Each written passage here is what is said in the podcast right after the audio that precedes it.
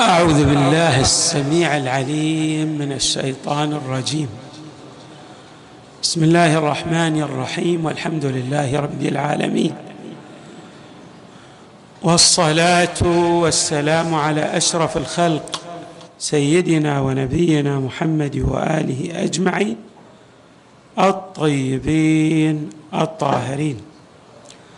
قال الله تعالى وعاشروهن بالمعروف فإن كرهتموهن فعسى أن تكرهوا شيئا ويجعل الله فيه خيرا كثيرا. صدق الله العلي العظيم. لا زال الكلام موصولا حول التعامل الأمثل بين الزوجين. بين الرجل وزوجته والزوجة وزوجها. وقلنا إننا سنستعرض هذا المطلب في هدي الروايات الواردة عن المصطفى وآله البررة الميامين. من الروايات التي تحدثت عن ذلك ما جاء عن إمامنا زين العابدين عليه السلام. إمامنا زين العابدين له رسالة اسمها رسالة الحقوق. ذكر فيها ما يتعلق بهذا الشأن.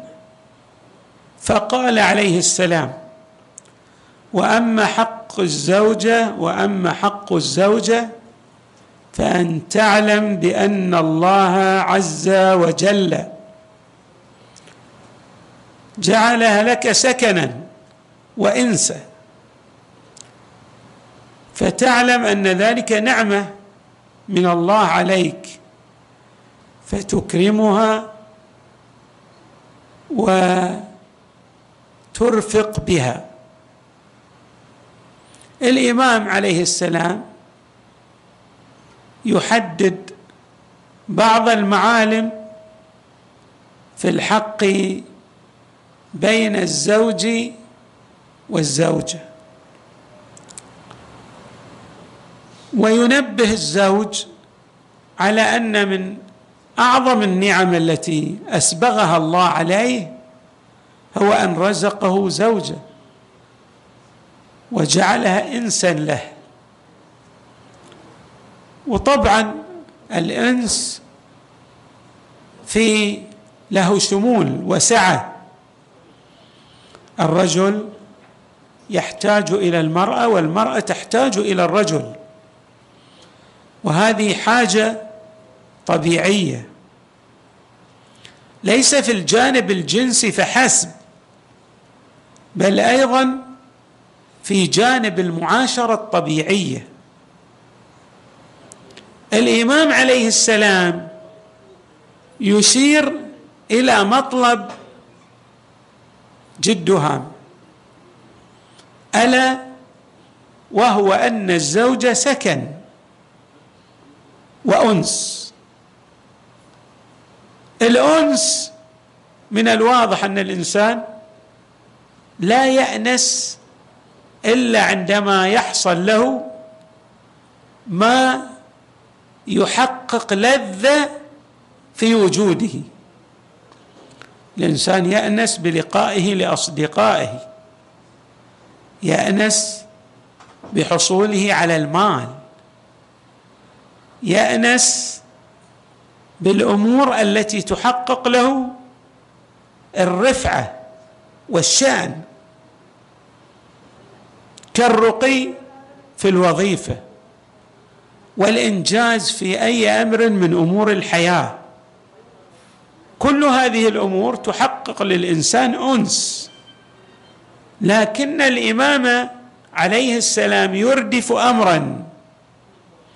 ألا وهو أن الزوجه ليس فقط أنس يأنس بها الزوج بل هي أيضا سكن. ومعنى السكن هو الحالة الراقية من الاستقرار. نحن نعرف أن الإنسان لا يستقر إلا في ضوء المأوى الذي نعبر عنه بالبيت والسكن. الإمام عليه السلام يشير إلى هذه الحالة. ومعنى ذلك أن استقرار هذا الزوج أو استقرار تلك المرأة لن يتأتيا إلا من خلال هذا الارتباط الزوجي. والإمام عليه السلام يؤكد على ذلك. وأيضا يبلور لنا الإمام عليه السلام معنى دقيق. بأن هذه النعمة الزوجة نعمة من الله على زوجها. والعكس صحيح. الزوج أيضا هو نعمة على الزوجة. هذه النعمة تحتاج إلى شكر. وهذا الشكر لا يكفي أن يكون بالقول فقط وإنما لا بد أن يقترن. القول بالعمل. ولهذا الإمام عليه السلام يقول فتعلم أن ذلك نعمة من الله عليك فتكرمها وترفق بها. اولا ما معنى الإكرام؟ معناه الإشادة معناه الثناء معناه أيضا الإطراء. دائما إذا قدمت الزوجة لزوجها امرا ما على هذا الزوج أن يسبغ الكلمة الطيبة وأن يضفي الشكر العملي. بعض الأزواج وكأنه خشب مسندة. حتى إذا أسدت له زوجته الخير لا ترى يبادلها بالمعروف. الإمام يؤكد على أمرين. ها هنا. الأمر الأول هو الإكرام والأمر الثاني هو الرفق. ومعنى ذلك أنه حتى إذا حصل شيء لا يستطيبه الزوج على الزوج أن يتحمل وأن يرفق بهذه الزوجة. لأن الزوجة أيضا هي ماذا؟ بشر إنسان يصيب في بعض الأحايين ويخطئ في بعض الأحيان الأخرى. فتحتاج إلى إرفاق كما أن الزوج يحتاج إلى هذا الإرفاق من لدن زوجته الزوجة كذلك. أيضا هذا الأمر أكد عليه ألا وهو الإرفاق والمعاشرة الجميلة الرائعة التي تمثل قمة في التعامل الأمثل في عدة من الروايات. في رواية وردت عن إمامنا الصادق عليه السلام يقول فيها إن المراه يحتاج في منزله وفي عياله إلى ثلاث خلال يتكلفها وإن لم تكن من طبعه. الأمر الأول المعاشرة الجميلة.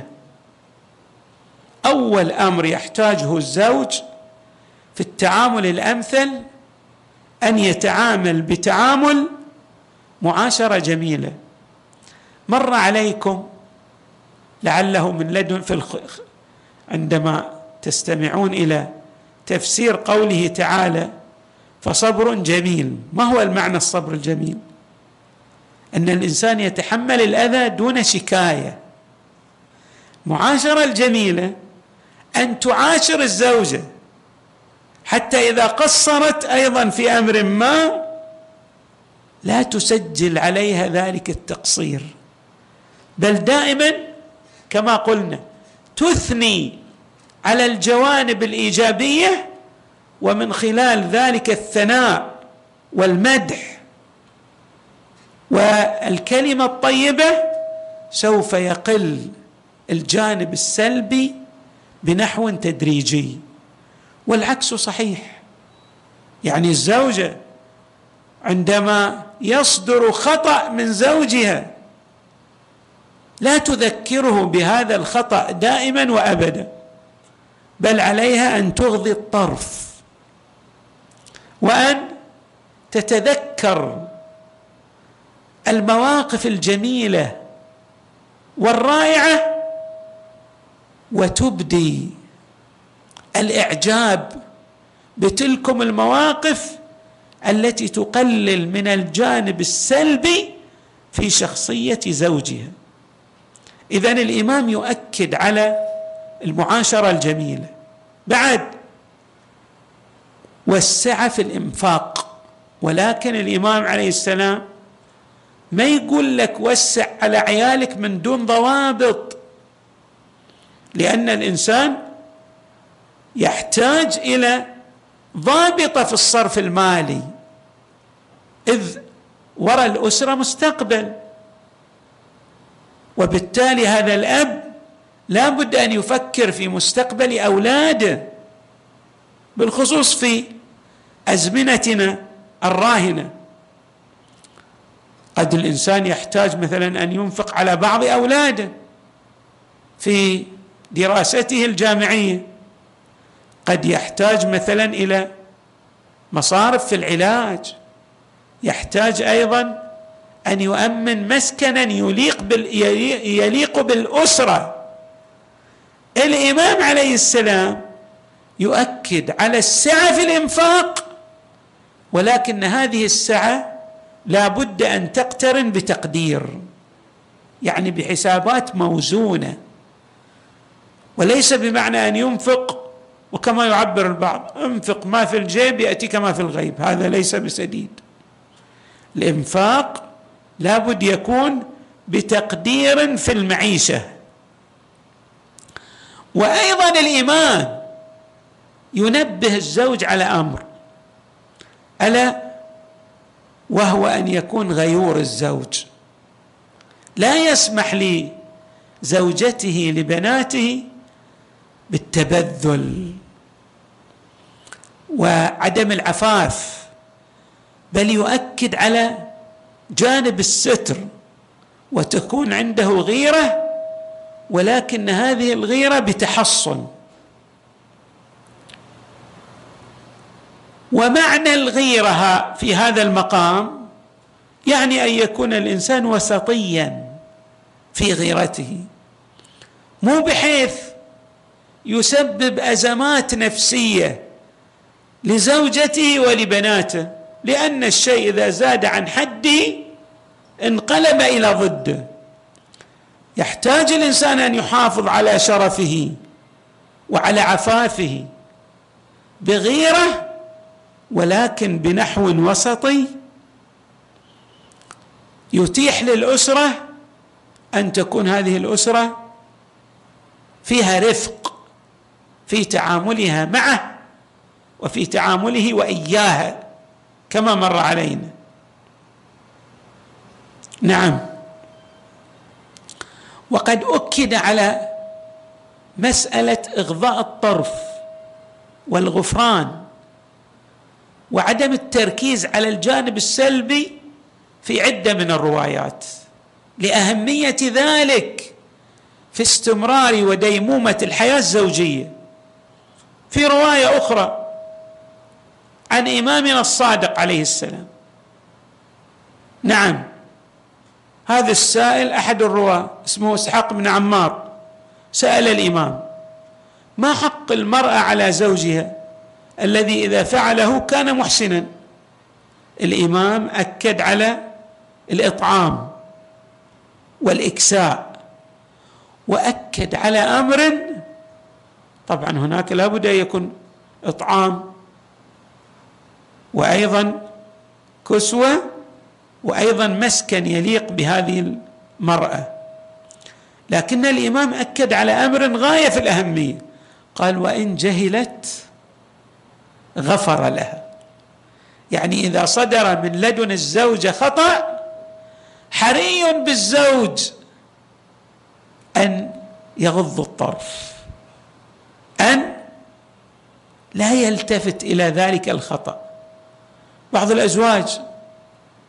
عند ورقة وقلم يسجل. ويأرخ بعد لهذه التسجيلات.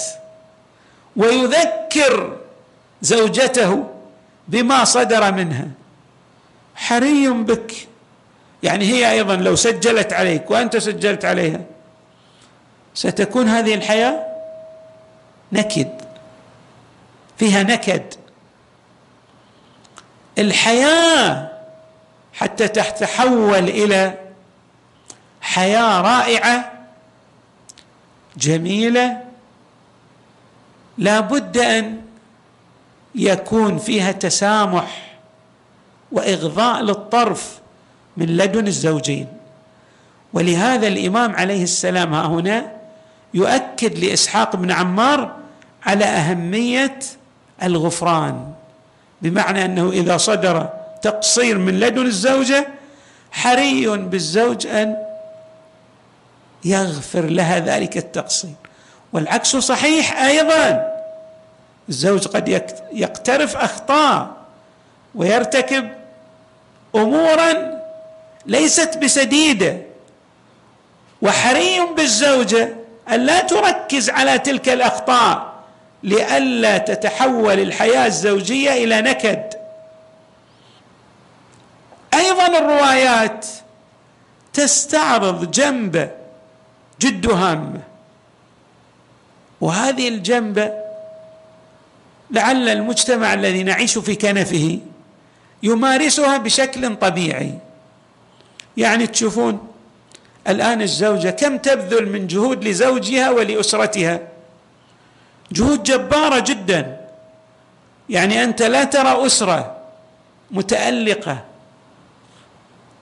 عندها أولاد تألقوا في دراساتهم الجامعية وحققوا إنجازات إلا وترى وراء ذلك الإنجاز ترى وراءه عملا دؤوبا من لدن الزوجة في الأعم الأغلب. ومن لدن الزوج أيضا. بس ترى أن الجهود المضنية بنحو أكبر تتأتى من الزوجة. ولهذا حري بالزوج أن يثني على هذه الخدمات ويشكر هذه الأعمال الكبيرة التي تقوم بها الزوجة من خدمتها له ولأبنائه في البيت ولولا هذه الخدمات الضخمة والكبيرة لما تاتى للزوج أن يحقق انجازا على أي صعيد من الأصعدة إلا كما نقول بشق الأنفس. ولذا الروايات أيضا تؤكد على أهمية هذا العمل المتبادل. بمعنى الخدمات المتبادلة بين الزوج وزوجته لهما أكبر الأثر في في النجاح الأسري وفي التألق الزوجي من الطرفين. نعم. رواية عن المصطفى صلى الله عليه وآله. سألته أم سلمة عن فضل النساء في خدمة أزواجهن. فقال صلى الله عليه وآله أيما امرأة رفعت من بيت زوجها شيئا من موضع إلى موضع تريد به صلاحا إلا نظر الله إليها ومن نظر الله إليه لم يعذب. شوفوا هل عطاء الإلهي الجميل والكبير والرائع لا تقوم بخدمة بسيطة. تريد بهذه الخدمة إصلاح هذا البيت. يعني جعل المنزل يشع نظافة. جعل المنزل انيقا مرتبا.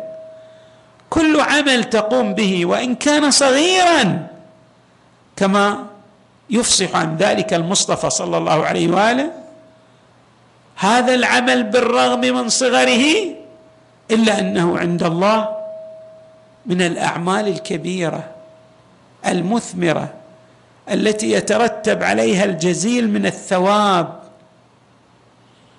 كما يشير إلى ذلك المصطفى صلى الله عليه وآله إلا نظر الله إليها ومن ومن نظر الله إليه لم يعذب. بمعنى أن هذه الخدمة التي تقدمها الزوجه والخدمات التي يقدمها الزوج يمثلان حصانه حصانه للزوجين من العذاب الإلهي. يعني إذا أرادت المرأة أن تأمن من عذاب الله عليها بإسداء الخدمات لزوجها ولأبنائها. الحمد لله نحن في مجتمع يقوم بهذا بشكل تلقائي وطبيعي ولكننا نؤكد عليه لأنه مدلول لروايات وردت عن المصطفى صلى الله عليه وآله وعن الأئمة من أهل البيت عليهم السلام.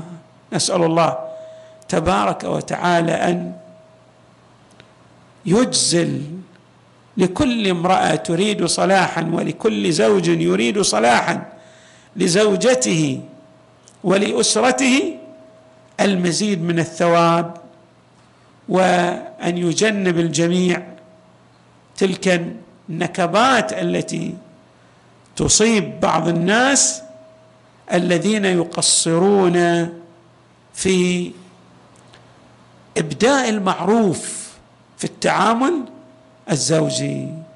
والحمد لله رب العالمين وصلى الله وسلم وزاد وبارك على سيدنا ونبينا محمد وآله أجمعين الطيبين الطاهرين.